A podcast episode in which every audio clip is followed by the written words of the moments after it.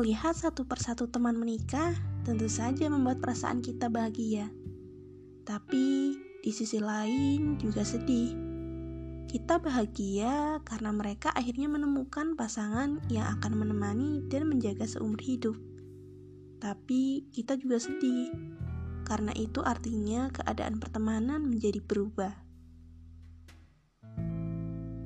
Oleh karena itu, di episode terbaru kali ini kita bakalan belajar tentang tips menghadapi kesepian karena teman sudah menikah. Jika dulu dengan mudahnya membuat rencana hangout bersama, tapi setelah menikah tidak akan semudah itu. Karena ya pasti prioritas lain udah harus dia dahulu ini. Mau ngajak si ini, tapi suaminya gak ngizinin. Mau ngajak si itu, tapi anaknya gak ada yang jaga ada yang dapat izin tapi gak enak kalau kumpul kelamaan. Rasanya gak mungkin bisa sebebas kayak dulu. Tidak dipungkiri, hal ini pasti bakal membuat perasaan kamu sedih dan kesepian karena merasa kehilangan teman kan?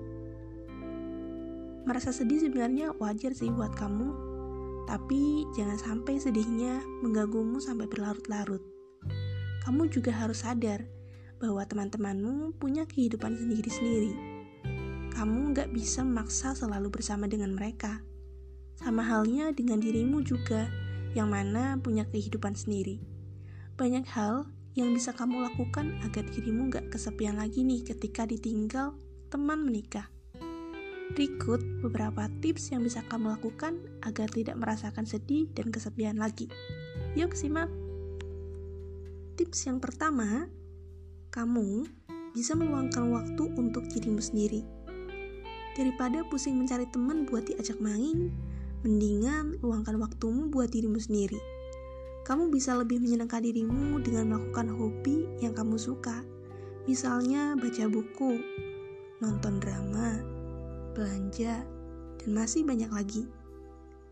Terus tips yang kedua, bukalah dirimu pada lingkungan baru.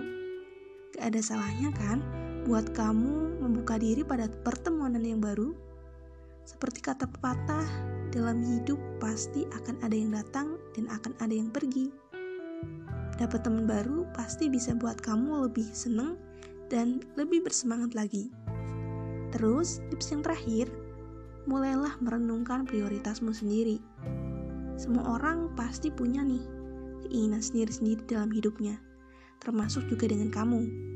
Misalnya, ada yang kepengen nikah muda, ada yang kepengen punya karir sukses dulu, ada yang kepengen mendahulukan pendidikan, dan lain sebagainya. Nah, kamu harus mulai mengatur arah dengan benar supaya nggak terus-menerus galau karena terombang-ambing oleh lingkungan. Hanya karena temanmu menikah, bukan berarti kamu juga langsung mengikutinya. Kamu harus benar-benar tahu apa yang sebenarnya menjadi tujuan hidupmu. Nah, itu tadi teman-teman tips supaya kamu gak kesepian dan galau lagi setelah ditinggal teman menikah. Semoga bermanfaat ya, dan sampai jumpa di episode selanjutnya. thank